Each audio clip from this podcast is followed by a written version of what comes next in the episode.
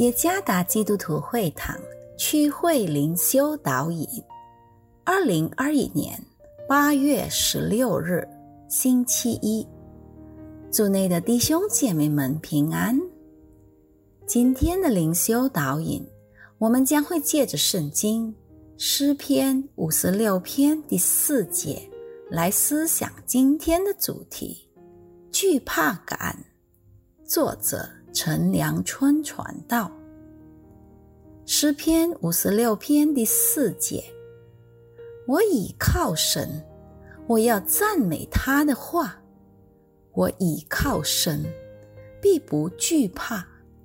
血气之辈能把我怎么样呢？每个人都有一个看不见的敌人，这个敌人不在外面。而是在每个人的内心，这个敌人叫做恐惧。医学研究表明，人类会因恐惧而死亡。无法克服的恐惧感，也会导致一个人的身体和心理健康出现各种障碍。魔鬼要我们生活在恐惧的控制之下。另一方面，上帝希望我们不要生活在恐惧中。当我在 NTB 的松巴瓦岛服侍时，有一个男孩的父亲是一名警察。我看着这男孩的态度，他是一个在生活中不感到惧怕的孩子。我问。他为什么不害怕，而且很自信？男孩回答说：“我是警察的儿子，父亲一定会保护我的。”那个孩子的单纯提醒我：我们是上帝的孩子。事实上，我们在生活中不必害怕。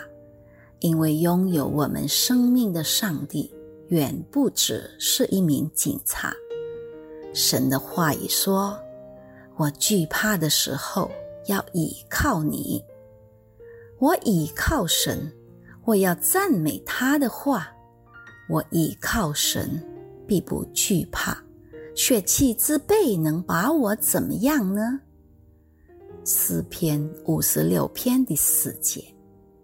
作为基督徒，我们能够像大卫一样，当恐惧来临时，需要做的第一步是相信上帝，并专注于他的伟大。此外，我们用上帝话语的武器装备自己，专注于他的应许，这帮助我们把恐惧放在一边。当恐惧出现时，我们必须确认我们的信仰。也许今天我们没有经历大卫那样的问题，但在疫病大流行的危险仍然猖獗的情况下，我们可能会感到害怕。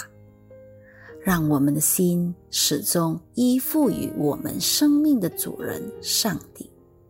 相信神是配的依靠的，上帝的手与他慈悲的心协同工作。愿上帝帮助和兼顾我们，不要害怕，全心信赖上帝。愿上帝赐福于大家。